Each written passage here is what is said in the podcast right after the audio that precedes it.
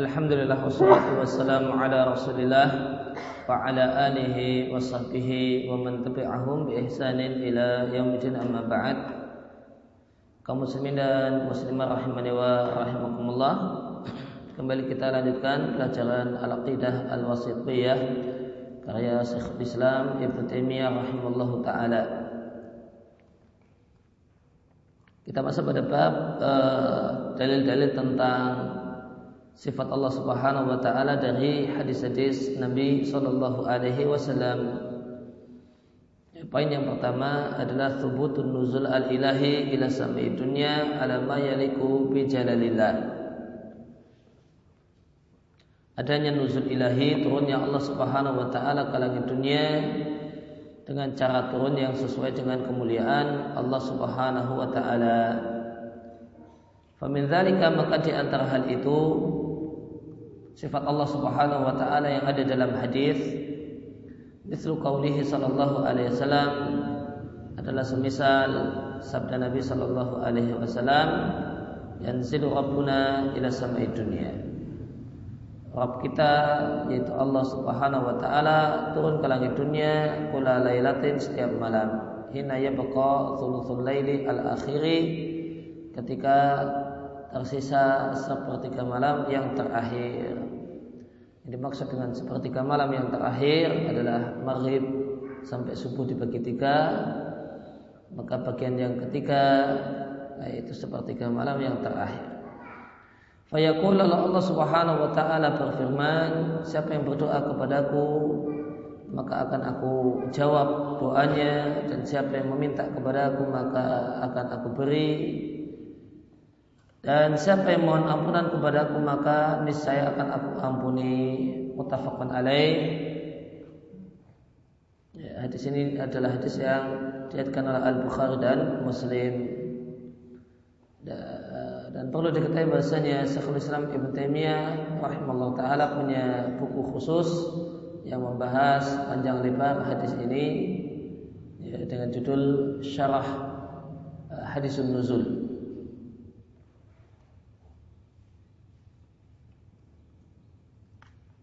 Penjelasannya yang zilu Rabbuna Rabb kita turun yaitu turun yang layak dengan kemuliaannya. Kita imani hal tersebut dan tidak kita serupakan dengan turunnya makhluk. Karena Allah adalah laisa kamitsli syai tidak ada satupun makhluk yang serupa dengannya. Maka turunnya Allah adalah turun yang sesuai dengan kemuliaan Allah tidaklah kita gambar-gambarkan seperti turunnya pesawat landing atau kemudian seperti turunnya orang dari mimbar eh, atau seperti turunnya orang dari motornya atau dari mobilnya atau seperti turunnya eh, dan jatuhnya daun yang jatuh dari pohonnya dan sebagainya. Ila sama itunya sama idunya di sini maknanya as-sama ad-dunya. Maka sama idunya idofah di sini adalah idofatul mausuf ila sifatihi. Mausuf diidofahkan kepada sifatnya. Ini terjadi hina yang baqa thuluthul lailil akhir Ya baqa thuluthul laili al akhiru Jadi akhir adalah sifat untuk thuluth Dan bukan sifat untuk Eh, ketika tersisa sepertiga malam dan yang akhir adalah sepertiganya dan bukan malamnya. Birafil akhir ya, akhirnya itu marfu karena dia adalah naat dan sifat untuk sulus. Fihad maka dalam hadis ini atau dalam kalimat itu dapat takyin penentuan dan penegasan waktu turunnya Allah Subhanahu wa taala. Man yad'uni fa astajiba siapa yang berdoa akan aku jawab doanya. Fa astajiba itu bin nasbi. Itu dibaca nasab. Kenapa ala jabil istifham? Di pelajaran nahu ini adalah jawabul istifham, jawab amar, jawab istifham dan yang lainnya itu uh, di sana ada an yang muqaddarah, ada an yang muqaddara sehingga eh, dibaca mansub.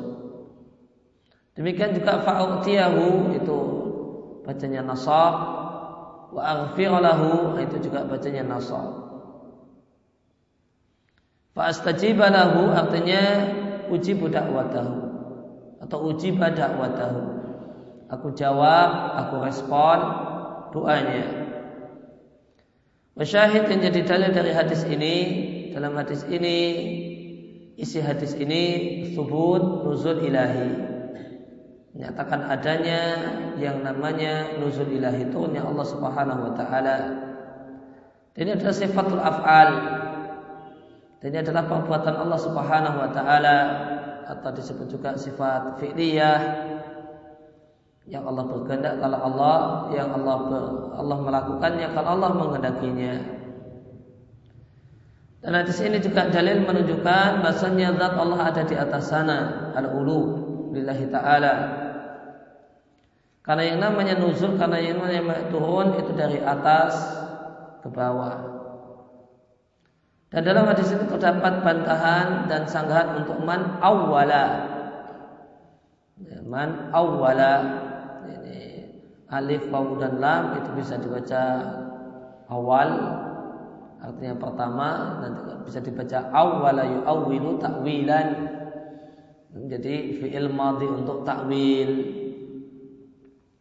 Laman awal al hadisa sangat untuk orang yang mentakwil dan mengotak-atik hadis dengan mengatakan bahasa yang dimaksud dengan turunnya Allah adalah turunnya rahmat Allah dan atau ketetapan Allah.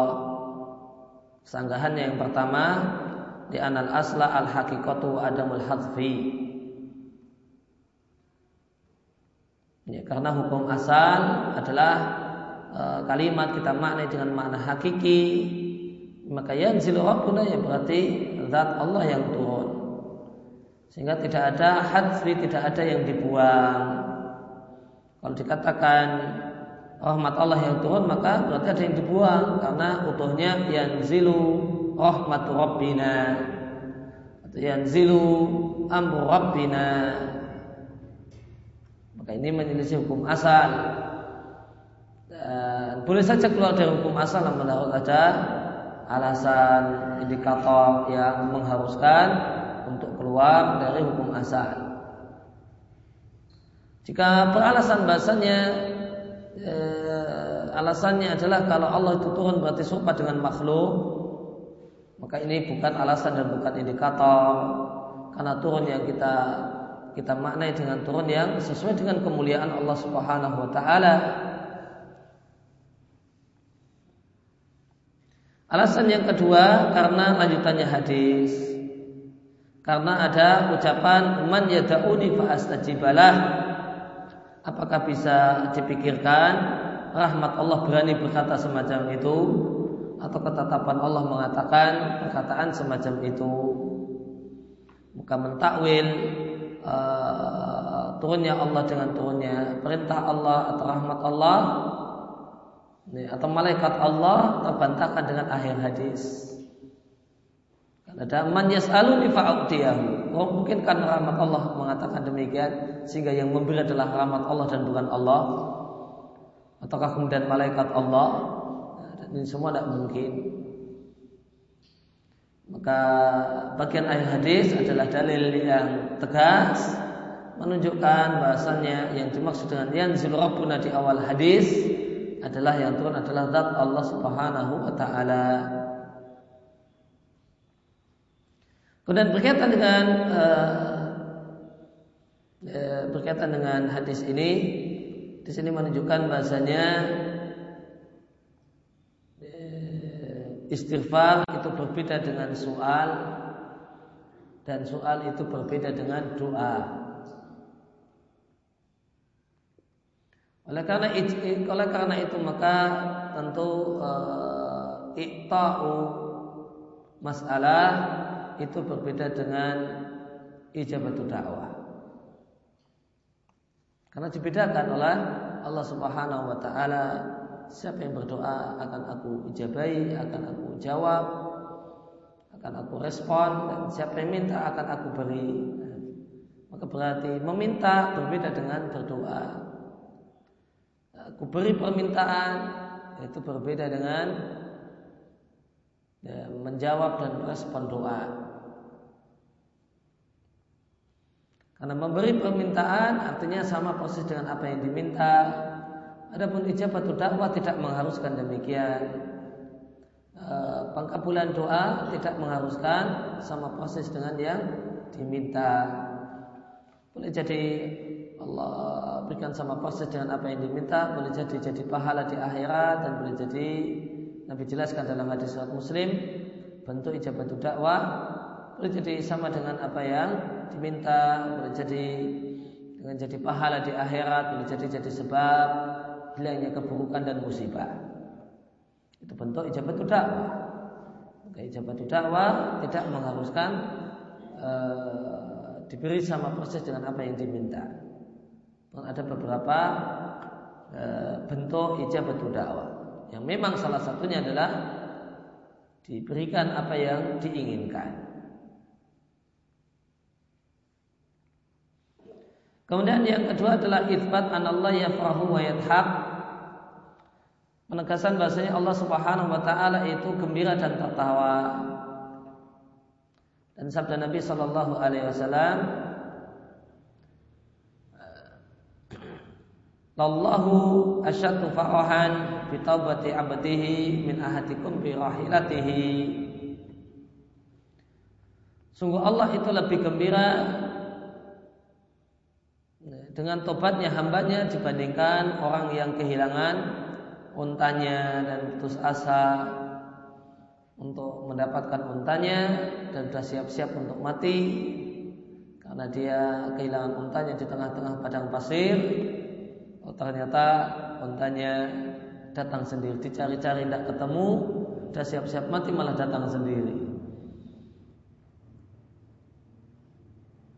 Akhirnya dia mengatakan Allahumma anta abdi wa ana rabbuk akhta'a min syiddatil farahi. Orang tersebut sampai mengatakan, Ya Allah engkau adalah hambaku dan aku adalah Tuhanmu. Ya, salah ucap karena ya, tidak bisa mengontrol diri disebabkan demikian gembira. Al haditha bacanya al haditha dengan mansub. nah, uh, lamnya di sini lamul ibtida sehingga dibaca harokatnya fathah asyatu farahan ya, sungguh lebih bergembira farahan di sini dibaca mansub karena tamyiz Farah dalam bahasa Arab artinya asurur, gembira, baladatul qalbi dan kenikmatan hati dengan tobat seorang hamba. Ya, tobat dalam bahasa Arab maknanya rujuk, maknanya kembali.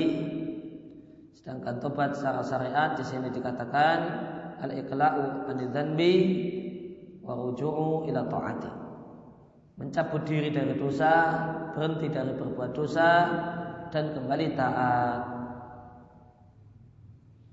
Rahilah adalah nakah unta yang layak untuk jadikan kendaraan. Nah, tidak semua unta itu layak untuk jadi kendaraan, untuk ditunggangi, ada yang layak untuk ditunggangi dan ada yang tidak. Ya, tidaklah disebut wahilah kecuali onta yang ditunggangi eh, dan layak untuk ditunggangi dan layak untuk diajak bepergian jauh. Al hadis ini dibaca mansob karena ada fiil yang muqaddar yaitu akmilil haditha. Silahkan selesaikan dan dan seterusnya hadis atau kalau bahasa kita ya titik tiga atau DST dan seterusnya. Karena di sini penulis hanya iktasara mencukupkan diri dengan yang menjadi eh, dari potongan hadis yang bisa jadi dalil yang menegaskan adanya gembira bagi Allah Subhanahu dengan gembira yang layak dengan kemuliaan Allah. Dan ini adalah satu sifat sempurna yang tidak serupa dengan sifat gembira satupun makhluknya. Dan sifat gembira bagi Allah adalah sebagaimana sifat-sifat yang lain yaitu gembira yang kemudian bermakna al-ihsan memberikan kebaikan, wabirin dan kebaikan dan kelembutan. Bukan gembiranya orang yang membutuhkan taubat hambanya dan mendapatkan manfaat dengan sebab taubat hambanya. Karena Allah Subhanahu e, tidaklah manfaat bagi Allah taatnya orang yang taat sebagaimana tidaklah membahayakan Allah maksiatnya orang yang berbuat maksiat. Kemudian hadis yang, hadis yang kedua ya hadis di atas dalam mutafakun alaih wa qauluhu dan sabda Nabi sallallahu alaihi wasallam hadis yang kedua yadhaqullahu ila rajulain Allah tertawa dengan dua orang laki-laki yaqtulu ahadumal akhar yang satu bunuh yang lain namun kilahuma yadkhulul jannata. Ternyata dua-duanya masuk surga. Muttafaqun alaih diriwayatkan oleh Al-Bukhari dan Muslim. Waqad bayyana Nabi sallallahu alaihi wasallam dan Nabi menjelaskan di akhir hadis sebab kenapa Allah tertawa. Itu sabda Nabi sallallahu alaihi wasallam, yuqatilu hadza fi sabilillah. Orang yang pertama, lelaki pertama berperang di jalan Allah, fastusyida dan dia dibunuh oleh orang kafir matilah dia sebagai syahid dan masuk surga.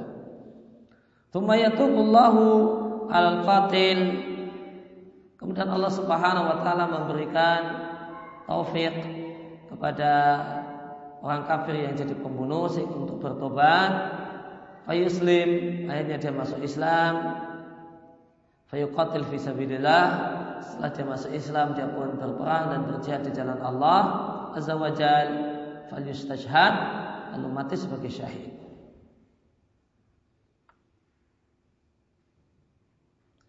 Wahad ini adalah di antara bentuk betapa sempurnanya kebaikan Allah Subhanahu dan betapa luasnya kasih sayangnya.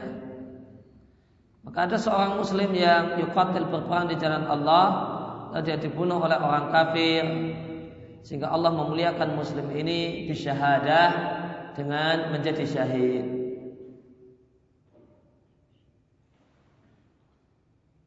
maka syahadah ya, bisa artinya menjadi syahid, bisa artinya persaksian, ya, tergantung konteksnya. Bisa artinya adalah dalil asyahid uh, min hadil ayat, asyahid min hadal hadis, artinya potongan ayat dan hadis yang ya, yang terkait dengan masalah yang mau didalili. atau ya, sisi pendalilan dari ayat dan hadis. Sumayamunu kemudian Allah memberikan nikmat kepada orang kafir si pembunuh tadi dengan Allah berikan padanya hidayah kepada Islam. Sehingga akhirnya dua-duanya masuk surga jami'an dua-duanya. Fahad amrun ajibun maka ini adalah satu hal yang menakjubkan.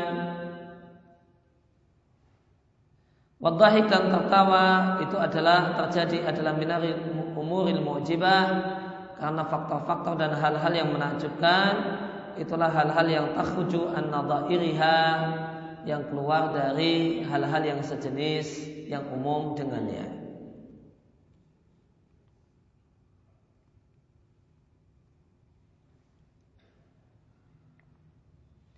Maka uh,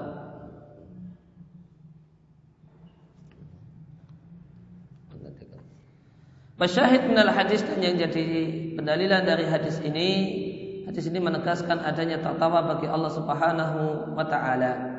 Dan dia adalah sifat fi'liyah Artinya perbuatan Allah subhanahu wa ta'ala. Maka Allah tertawa manakala Allah berkehendak untuk tertawa. Yang kita yakini Sifat tersebut bagi Allah subhanahu wa ta'ala sesuai dengan kemuliaan dan keagungan Allah Subhanahu wa taala tidak sebagaimana tertawanya makhluk.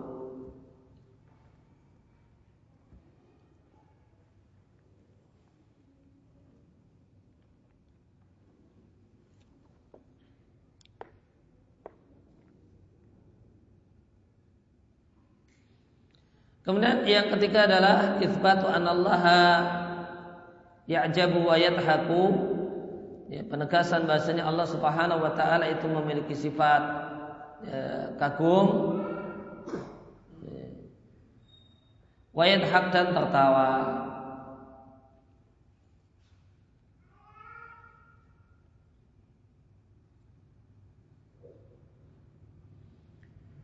Dalilnya adalah satu hadis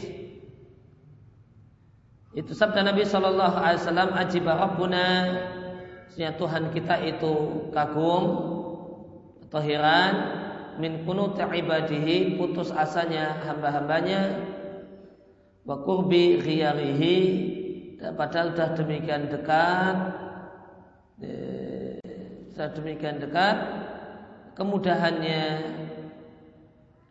Yang dur ilaikum Allah melihat kalian azlina dalam keadaan susah atau mendapatkan kesusahan qanitbina dalam keadaan putus asa fayadillu maka jadilah Allah tertawa ya'lamu karena Allah tahu anna farajakum qaribun sehingga kemudahan urusan kalian itu sudah dekat Hadis ini dinilai hasan oleh Ibnu Taimiyah di sini di akidah wasitiyah. Beliau katakan hadisun hasanun. Dia kelimam Ahmad dan yang lain. Berkaitan dengan al-ajib atau al-ajab dalam kitab Al-Misbah Al-Munir disebutkan bahasanya ta'ajub dalam bahasa Arab digunakan dalam dua pengertian. Yang pertama adalah mayu, uh, mayah, uh, yahmaduhu al-fa'il adalah sesuatu yang uh, si pelaku itu memujinya sehingga makna ajib atau al-ajab di sini adalah menganggap baik wal ikhbar dan mengkabarkan tentang ridhonya dan senangnya dengannya. Kemudian yang kedua adalah apa yang tidak dia sukai sehingga maknanya adalah pengingkaran, wadam dan celaan untuknya. Maka ajiba itu bisa artinya terkagum-kagum. Ini sama dengan uh, ajalah ajib dalam makna yang pertama al-istihsan wal ikhbar an ridho dalam bahasa kita terjemahnya terkagum-kagum. Kemudian ada ajibah yang maknanya heran. Maknanya heran. Yang itu maknanya adalah mengandung makna celaan. Heran kok bisa-bisanya terjadi semacam ini. Maknanya celaan.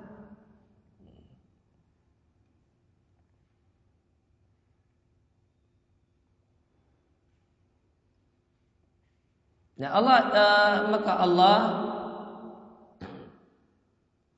heran dengan kunut ibadihi.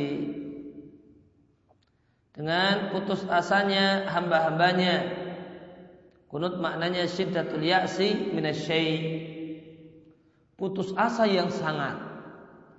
Kalau ya'as itu putus asa nah putus asa dalam kualitas yang tinggi nah, itu disebut kunut.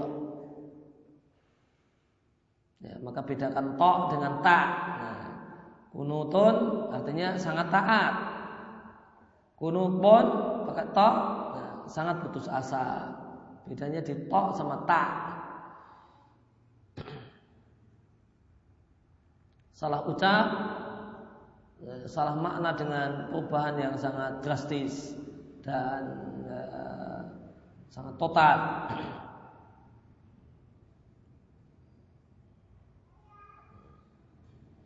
Beda nanti kunutu subahi sama kunutu subahi ya. Beda artinya. Kunut subuh pakai ta sama kunut subuh. Kunut subuh berarti putus asa dengan datangnya pagi atau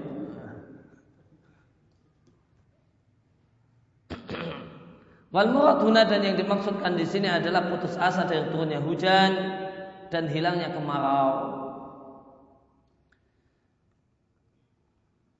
Wa kurbi khiyarihi. Bikasal ghin wa fatliya ghiyarihi. Maknanya taghyiril hal min siddatin ila rakhain. Adanya perubahan keadaan dari susah kepada kemudahan dan kesenangan. Yang tu ilaikum azlina atau azilina kalau azlu di masdar disukuni zai artinya dayiq kesempitan. Sedangkan ini maknanya adalah orang azilin Allah lihat kalian adalah orang-orang yang mendapatkan kesempitan, mendapatkan musibah, mendapatkan kesulitan,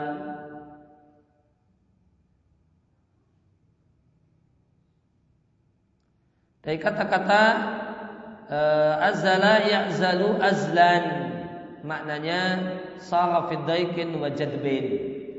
Ya, berada dalam kesempitan dan dalam jadab dalam kekeringan lama tidak turun hujan.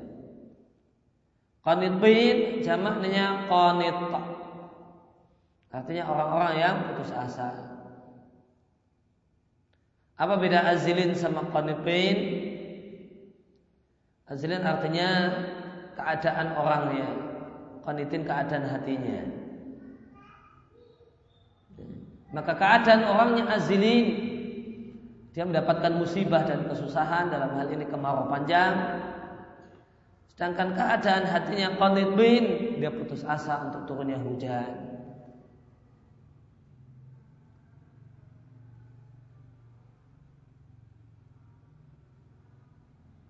Fayadilu yatahakum maka jadilah Allah tertawa dan ini adalah di antara perbuatan Allah Subhanahu wa taala yang tidak serupa dengan satupun perbuatan makhluknya. Maka dalam hadis ini terdapat penegasan dua sifat Allah Subhanahu wa taala.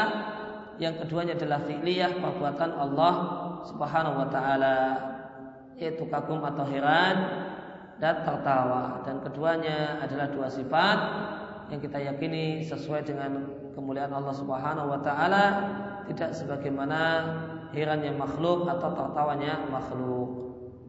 Demikian juga dalam hadis ini terdapat dalil bahasanya Allah itu melihat melihat hamba-hambanya tertentu yang ingin Allah lihat. Dan ini adalah sifat fi'liyah, maka an-nadhar itu sifat fi'liyah adalah perbuatan Allah Subhanahu wa taala yang Allah lakukan jika Allah mau.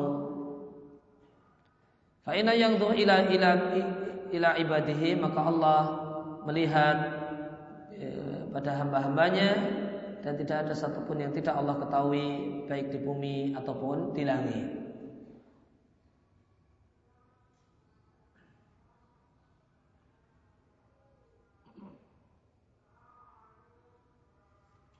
Dan perlu diketahui bahasanya redaksi yang ada dalam Imam Ahmad itu tidak ajiba rabbuna.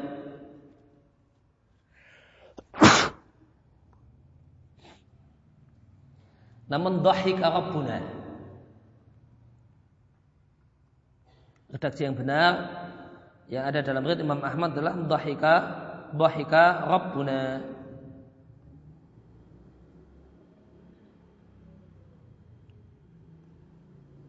Namun uh, redaksi Ajib Rabbuna di samping dikutip oleh Ibnu Taimiyah di sini akidah wasitiyah juga kutipan yang sama dijumpai dalam tafsir Ibnu Katsir dan di bidayah wa nihayahnya Ibnu Katsir. Namun uh, namun uh, kalau dicek ke Mustad Imam Ahmad demikian juga riwayat Ibnu Majah uh, maka redaksinya adalah dhahika dhahika rabbuna.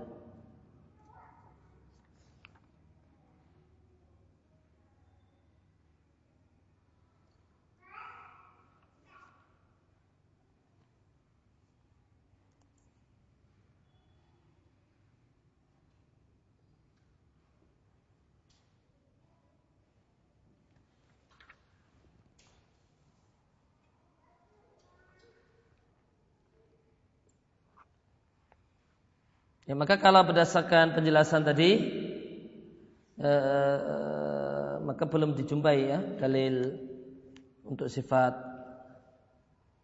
ujub.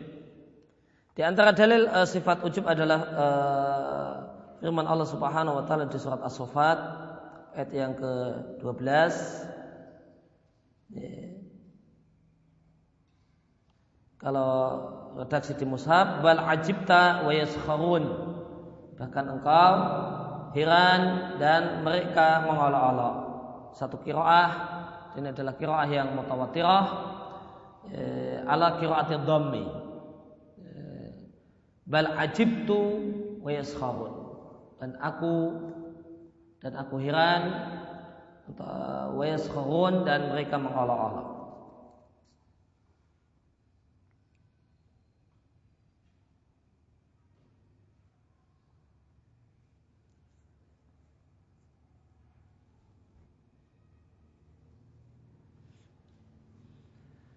Kemudian namun berkaitan dengan ujub maka ujub itu uh, ujubnya uh, ujub itu ada dua macam. Yang pertama ujub dalam artian heran atau kagum itu boleh jadi sebabnya adalah karena tidak tahu. Sebabnya karena tidak tahu dan ini satu hal yang manfi dari Allah Subhanahu wa taala. Kita heran dengan sesuatu karena kita tidak uh, tidak tahu sebabnya. Kenapa dia berbuat demikian? Maka kita terheran-heran. Ya, sebagaimana pepatah Arab yang mengatakan, "Idza urifas sabab, batalal ujab." Ya, jika diketahui sebabnya, kenapa terjadi demikian peristiwa demikian, kok bisa-bisanya ada peristiwa semacam ini? Kita tahu latar belakangnya, sesuatu di balik layar dari peristiwa ini, maka batalal ujub.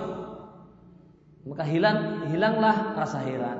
Kenapa kita heran? Kenapa manusia heran? Ya, karena dia tidak tahu sebabnya.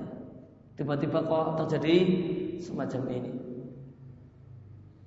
Namun ujub untuk Allah Subhanahu wa taala untuk heran untuk Allah Subhanahu wa taala bukan karena hal ini namun karena hal yang kedua yaitu keluarnya sesuatu dari hal yang semisal semisal dengannya. Sebagaimana tadi kita baca di lembar sebelumnya.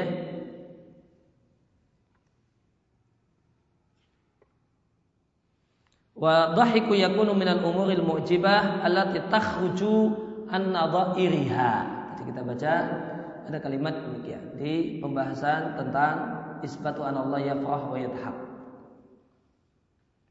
maka hal yang maka uh, maka yang menyebabkan Allah itu ujub bukan karena ya bukan karena Allah tidak tahu kenapa itu terjadi, kenapa satu hal itu terjadi. Namun karena terjadinya sesuatu yang tidak umum. Tidak semisal dengan eh, hal-hal uh, yang sejenis dengannya. Umumnya terjadi demikian, namun karena ini tidak umum maka Allah pun heran ataupun ujub maka ada ujub pada Allah Subhanahu wa taala. Semacam tadi tentang masalah tertawa dan herannya Allah kepada dua orang yang saling bunuh membunuh, dua-duanya masuk surga. Maka nanti dua-duanya akan kumpul bareng dan ketawa-ketawa bareng akan kemudian gembira bareng dan ini satu hal yang tidak umum.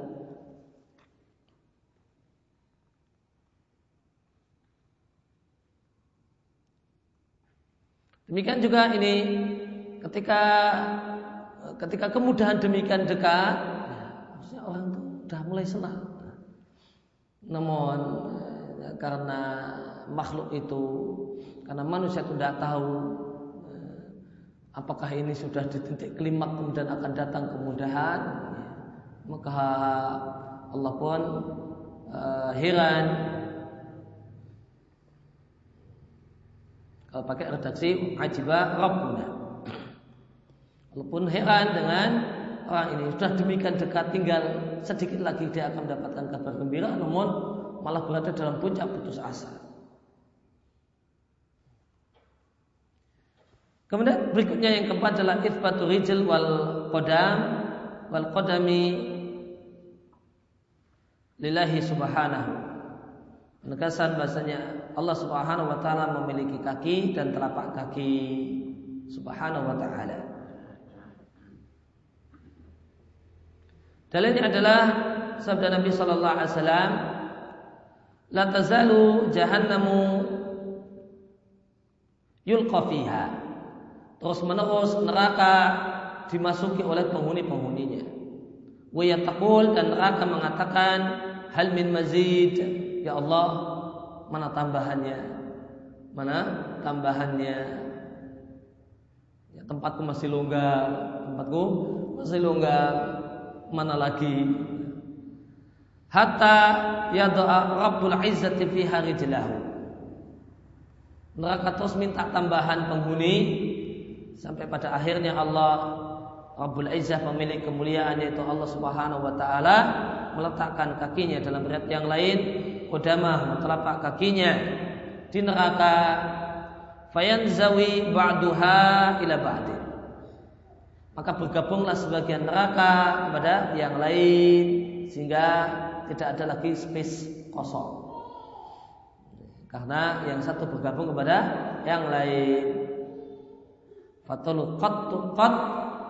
Eh, kemudian neraka pun mengatakan cukup ya Allah cukup ya Allah. Muttafaqun alaih. Hadisnya adalah hadis yang diriwayatkan oleh Al Bukhari dan Muslim. Jahanam adalah salah satu nama neraka. Maka dia jahanam dia adalah sa'ir dia adalah nar dan seterusnya.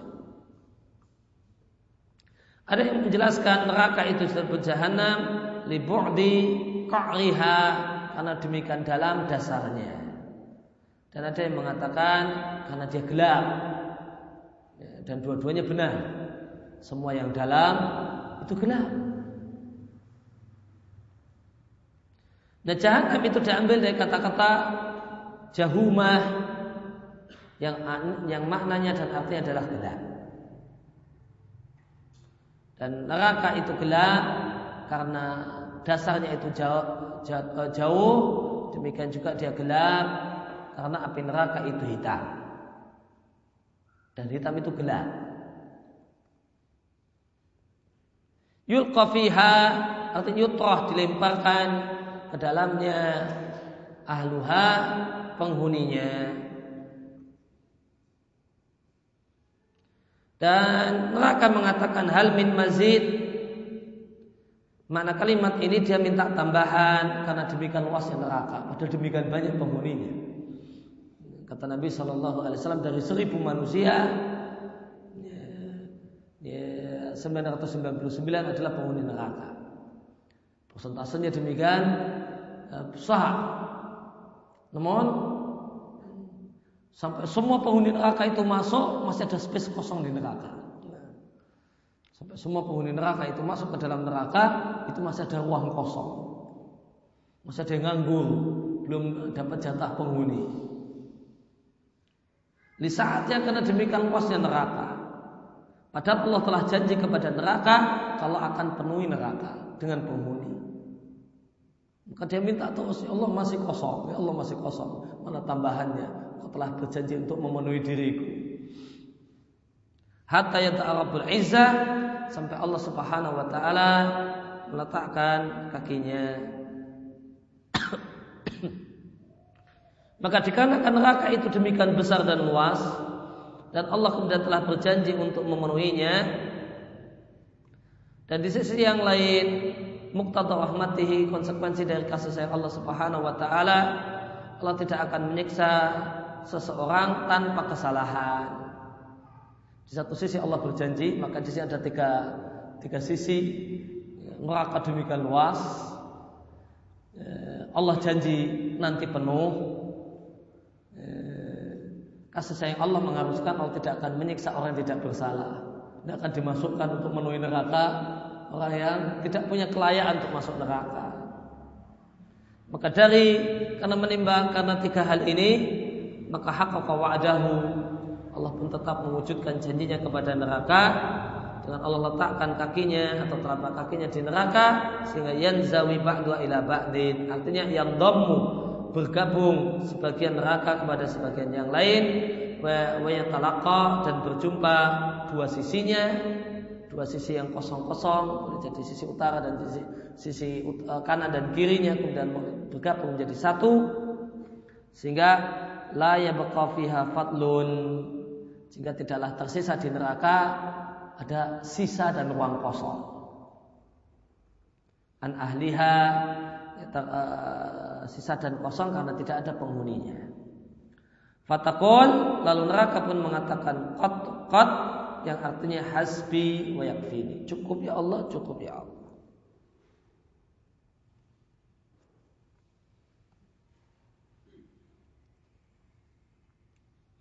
Ya untuk cara baca kot kot di sini ada uh, maka dijelaskan di Asmuni Sarah Alfiyah bisa dibaca dengan sukun ta. Ya, toknya disukun kot kot. Ya.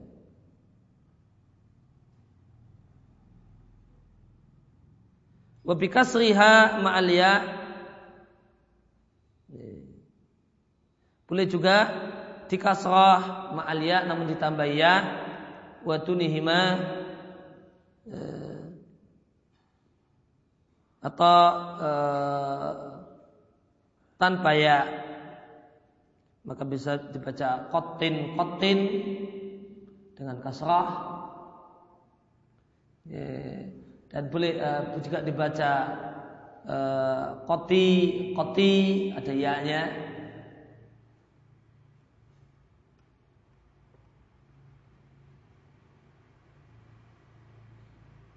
Wayuwa kotni kotni Namun ada juga yang versi yang lain yang membacanya dengan pakai nun wikoya Kotni kotni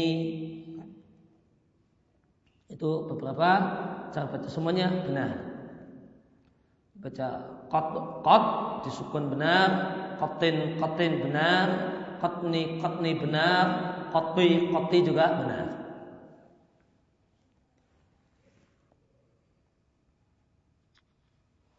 Wasyahid hanya menjadi dalil dari hadis ini. Maksudnya isi hadis ini menetapkan adanya kaki, kaki dan telapak kaki bagi Allah Ta'ala dalam bentuk yang layak bagi baginya subhanahu. Dan memiliki kaki dan memiliki telapak kaki adalah sifat datiyah sebagaimana memiliki wajah dan memiliki tangan wallahu taala a'lam Waqad ghalata fi tafsir hadal hadis dan telah salah dalam menafsirkan dan memahami hadis ini al-mu'attilah orang-orang yang mengkiri sifat dengan mereka selewengkan telapak kaki di sini dengan mereka katakan itu adalah satu jenis makhluk. Kemudian mereka mengatakan bahasa yang dimaksud rijal adalah sekelompok manusia. Sebagaimana ada ungkapan e, rijlu jaradin sekelompok belalang. Bahwa dan sangat untuk hal ini kita katakan bahasa Nabi Shallallahu Alaihi Wasallam mengatakan hatta ya doa. Nah ini, ini yang membuka takwil kita ada kata-kata hatta ya doa sampai meletakkan sampai meletakkan kalau maknanya yang dimaksud rijal adalah sekelompok manusia penghuni neraka harusnya kalimatnya hatta yulqiya hatta yulqiya sampai Allah campakkan daun Allah masukkan ke dalamnya rijlahu atau qadamahu ya, sekelompok manusia. Namun kalimatnya diksinya adalah yadha. Maka ini menunjukkan kalau itu ya, bukanlah yang dimaksud dengan rijl, kalau dimaksud dengan kodam adalah makhluk tertentu.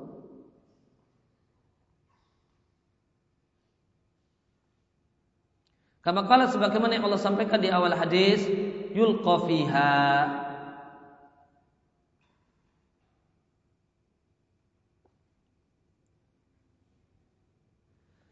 Wah itu demikian juga eh, Kodam itulah yasihu tidaklah sah Tidaklah boleh ditafsirkan Dengan makna al-qaum sejumlah orang Baik dari makna hakiki ataupun makna majaz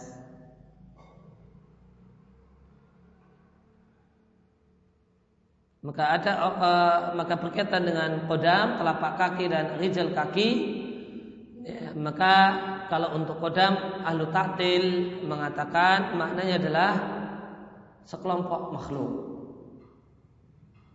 maka disanggah dengan dua uh, sanggahan tidak ada makna majas sekalipun kodam maknanya adalah sekelompok makhluk. Kemudian ada kata-kata yadha yang menunjukkan dan bukan yulqa. Kata yadha kodamahu, bukan hatta yalqa. Mungkin bukan beda. Kemudian rijal ada yang memaknai dengan sekelompok manusia. Jama'atun minan nas. Kalau ini makna majasnya itu bisa masuk. Ada dalam bahasa Arab, rijil artinya sekelompok. Ada ungkapan rijil jarad sekelompok belalang. Maka makna majasnya masuk. Namun meskipun makna majasnya masuk, di sini ada indikator yang mengharuskan untuk majas ataukah tidak. Oh, tidak, maka pada dasarnya al asl fil kalam al haqiqah. Hukum asal kalimat itu adalah makna hakiki. Bahkan kita katakan di sini terdapat indikator yang menunjukkan kalau tidak menerima majaz, yaitu kata-kata yalqa. Eh, yaitu kata-kata yadha, meletakkan rijlah. Bukan yalqa rijlah.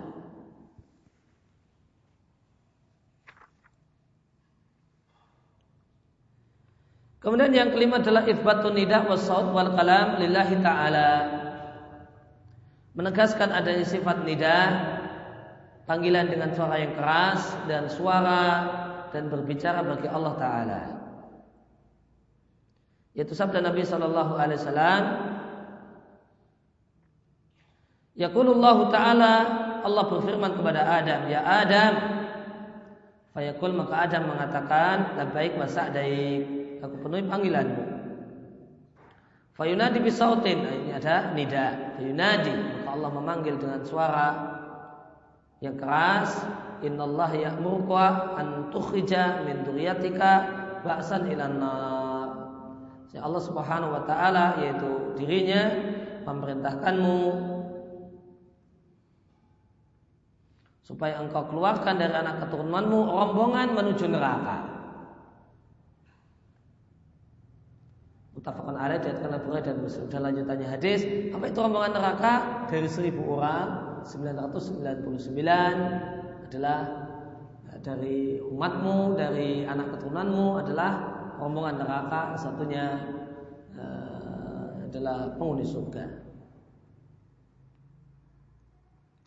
Dalilnya dalil yang lain adalah sabda Nabi Shallallahu Alaihi Wasallam Maminkum min ahadin ila sayukallimuhu rabbuhu walaysa bainahu wa bainahu turjuman. Tidak ada satupun orang kecuali akan diajak bicara langsung oleh Allah. Tidak ada antara dia dengan Allah penerjemah.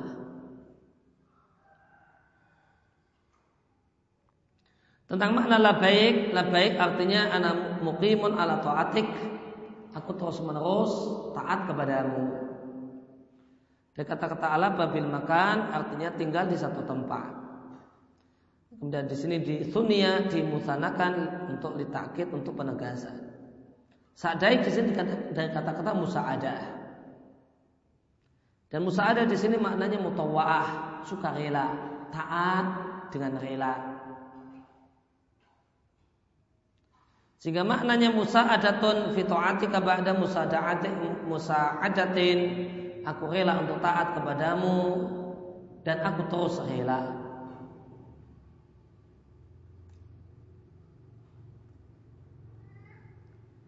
Fayunadi bisautin maka al-munadi penyerunya ya, adalah Allah Ta'ala. Bisautin itu menegaskan. Karena yang namanya yunadi mesti bisaut yang namanya memanggil dengan suara yunadi itu nida artinya panggilan dengan suara yang keras itu pasti ada suaranya. Sehingga bisautin di sini kata-kata bisautin adalah taukid penegasan. Di anak nida karena yang namanya nida layakun lebih saut. Ya, tidaklah ada nida kecuali dengan suara.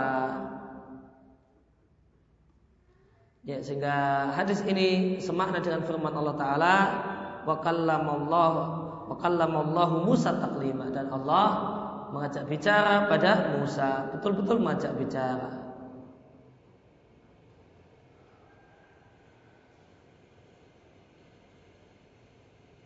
Uh, boleh jadi ada orang yang bertanya-tanya ketika Allah memanggil dengan mengatakan, kenapa kalimat panggilannya yang Allah katakan innallaha ya'muruka Ya Allah memberitakan.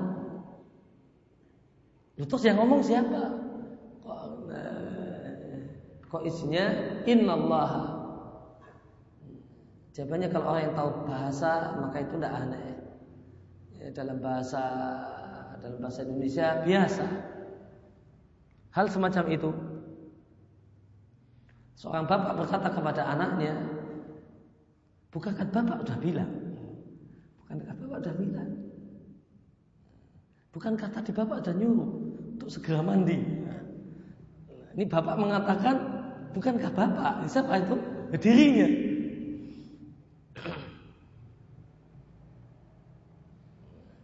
Maka orang kemudian berkata dan menyebut dirinya dengan eh, dengan sebutannya itu satu hal yang biasa dalam bahasa.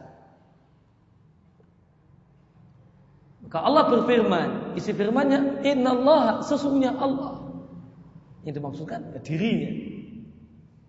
Memerintahkan untuk supaya engkau mengeluarkan dari anak keturunan keturunanmu rombongan menuju neraka.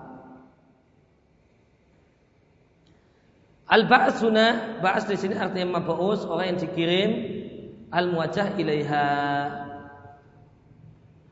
yang ditujukan e, ke satu tempat tertentu. Wa makna artinya wa makna dalika dan makna hal tersebut Mayyiz ahlan nar min ghairihim. Bedakan antara yang manusia keturunan yang akan masuk surga dan yang bukan. Maka sisi pendalian dari hadis ini, isi hadis ini menegaskan isbatul qaul. Bahasanya Allah itu berkata-kata, Allah itu berfirman. Yaqulullahu ta'ala. Maka ada kaul bagi Allah Ta'ala. Demikian juga ayat eh, hadis ini menegaskan adanya nida ya, ada panggilan yang itu dengan suara yang bisa didengar dan ini akan terjadi pada hari kiamat. Wafihi maka dalam hadis ini terdapat konten dan isi bahasanya Allah itu berfirman dan menyeru kapan Allah mau dan sebagaimana yang Allah inginkan. Dan hadis yang kedua, mamin kumin ahadin. Kum di sini kalian di sini adalah ditujukan pada para sahabat, namun zahirnya adalah ditujukan pada para sahabat, makna yang diinginkan adalah bersifat umum untuk semua orang-orang yang beriman. Maka dia akan diajak bicara oleh Allah tanpa perantara laisa bainahu wa bainahu turjuma tanpa ada penerjemah. Turjuma maknanya adalah man yu'abbir bi lughatin an lughatin orang yang kemudian mengungkapkan satu bahasa kemudian dipindah kepada bahasa yang lain. Ini yang kul kalam min lughatin ila lughatin ukhra yang memindah atau menyalin satu perkataan dari satu bahasa ke bahasa yang lain.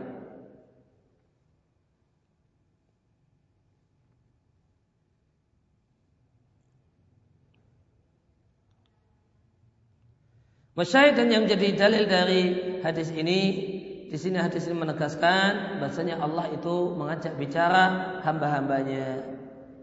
Dan bahasanya Allah Subhanahu itu ia takallam berbicara jika dia mau. Fakalamuhu maka berbicara di sini adalah sifat fi'liyah, adalah perbuatan Allah Subhanahu wa taala dan Allah Subhanahu wa taala akan berbicara dengan setiap orang yang beriman pada hari kiamat. Dan telah lewat pembahasan bahasanya kalamullah atau sifat kalam bagi Allah itu ada dua macam, ada sifat datiyah dan ada sifat fi'liyah. Kalau yang dibahas oleh hadis ini ada sifat fi'liyah. Menceritakan bahasanya Allah berbicara pada hari kiamat yang itu tidak terjadi sebelum hari kiamat. Maka ini menunjukkan kalau itu adalah sifat fi'liyah yang Allah lakukan pada saat Allah mau. Kemudian yang selanjutnya adalah ifbatu uluwillahi ala khalqihi wastiwa'uhu ala arshihi. Penegasan bahasanya zat Allah itu ada di atas sana, di atas seluruh makhluknya dan Allah Subhanahu wa taala berada di atas arsy. Saya tidak terjemahkan dengan bersemayam karena bersemayam dalam bahasa bahasa Indonesia salah satu maknanya di kamus besar bahasa Indonesia artinya duduk. Padahal pembahasan tentang uh, sifat julus duduk bagi Allah itu masalah yang lain. Dan ada dan ada pembahasan tersendiri dan itu satu hal yang diperselisihkan. Istiwa satu hal yang disepakati. Istiwa satu hal yang disepakati oleh ulama ahlu sunnah. Namun julus bagi Allah Subhanahu wa taala satu sifat yang diperselisihkan di antara para ulama. Adakah Allah memiliki sifat julus? duduk ataukah tidak. Oleh karena itu di istiwa saya tidak terjemahkan dengan bersemayam karena e, maknanya salah satu maknanya adalah duduk. Maka saya terjemahkan dengan berada di atas ars. Wa istiwa ala arsyihi dan Allah itu berada di atas ars. Dalilnya adalah sabda Nabi Shallallahu Alaihi Wasallam fi ruqyatil marid. Dalam ruqyah untuk orang yang sakit Rabbunallahu alladzi fis sama. Rabb kita adalah Allah dan yang ada di atas sana. Taqaddasa ismuka. E, suci namamu amruka fis sama'i wal ardi ketetapanmu berlaku di langit dan di bumi. Kama rahmatuka fis sama'i ij'al rahmataka fil ardi. Sebagaimana rahmatmu ada di langit maka jadikanlah rahmatmu di bumi. Irfir lana hubana wa khotoyana Ya Allah ampunilah dosa-dosa kami dan kesalahan-kesalahan kami. Antara tayyibin. Engkau adalah Arab seluruh makhluk yang baik anjil rahmatan min rahmatika wa syifaan min syifaika ala hadal waja'i maka turunkanlah uh, sebagian dari rahmatmu dan sebagian dari kesembuhanmu pada penyakit ini. Maka Nabi katakan fayabra maka akan sembuh. Dan hadis ini dinilai hasan oleh Ibnu Taimiyah hadisun hasanun di sini derajatnya hasan diatkan oleh Abu Dawud dan yang lainnya. Demikian juga sabda Nabi Shallallahu Alaihi Wasallam, apakah kalian tidak percaya kepada aku? Padahal aku dipercaya oleh Zat yang ada di atas sana. Ibn Taimiyah menegaskan kali ini adalah hadis yang sahih. Namun itu juga dihatkan oleh Bukhari dan Muslim sehingga tidak masalah. Demikian juga sabda Nabi Shallallahu Alaihi Wasallam dan ars di atas itu dan Allah di atasnya ars, namun dia mengetahui ma'antum alaih keadaan kalian. Di sini dinilai Hasan oleh Ibn Taimiyah, dihatkan oleh Abu Dawud dan yang lain. Serta sabda Nabi Shallallahu Alaihi Wasallam kepada budak perempuan, Nabi bertanya kepadanya, Aina Allah di manakah Allah? maka dia pun mengatakan fisama di langit.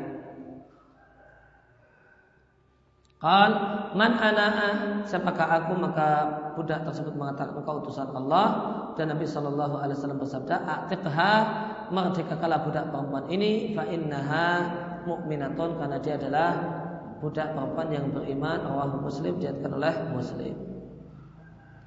Berkaitan dengan uh, ruqyah maka definisinya dan pengertiannya al-qira'atu 'alal maridi talaban li syifaihi adalah membaca-baca sesuatu pada orang yang sakit karena harapan supaya dia sembuh. Maka dengan ini mencakup uh, rupiah yang disyariatkan dan yang tidak disyariatkan. Semuanya punya titik kesamaan baca-baca. Biasanya baca-baca mantra, yang ini baca-baca ayat Al-Quran atau doa-doa dari Nabi. Sedangkan hukumnya ruqyah itu adalah satu hal yang disyariatkan jika yang dibaca adalah Al-Quran dan doa-doa yang mubah. Dan ruqyah itu hukumnya terlarang jika dengan kata-kata kemusyrikan atau dengan perbuatan kemusyrikan. Rabb kita yaitu Allah itu fisama, fisama di sini maknanya alas sama catatan kaki jika yang dimaksud dengan sama adalah bangunan langit.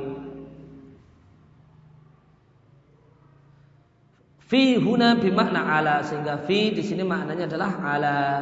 Semisal dengan firman Allah Taala di surat At-Taubah, fasihu fil ardi maka berjalanlah di muka bumi. Itu maksudnya alal ardi di atas muka bumi bukan bikin terowongan uh, atau bukan bikin kemudian terowongan bawah tanah dan uh, dan jalan-jalan di sana.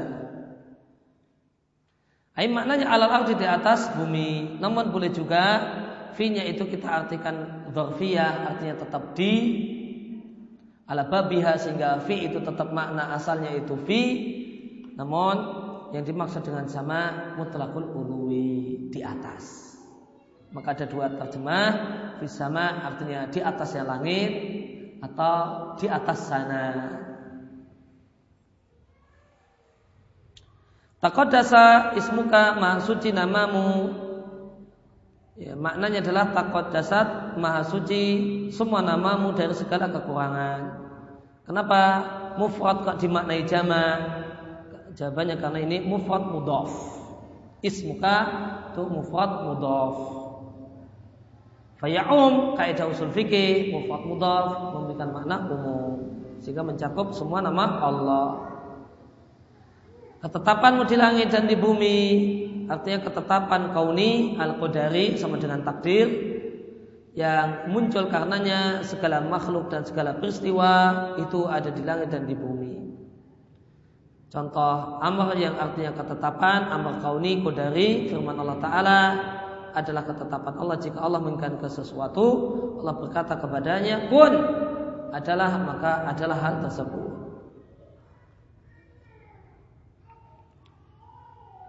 Demikian juga amruka di sini mencakup amru yang kedua adalah amru syar'i, ketetapan syariat. Yang ini uh, berisi segala syariat yang Allah tetapkan untuk hamba-hambanya. Ya, demikian yang kita baca dan kita pada kesempatan pagi hari ini kita lanjutkan esok pagi wasallallahu ala nabiyina Muhammadin wa ala alihi wasallam وآخر دعوانا أن الحمد لله رب العالمين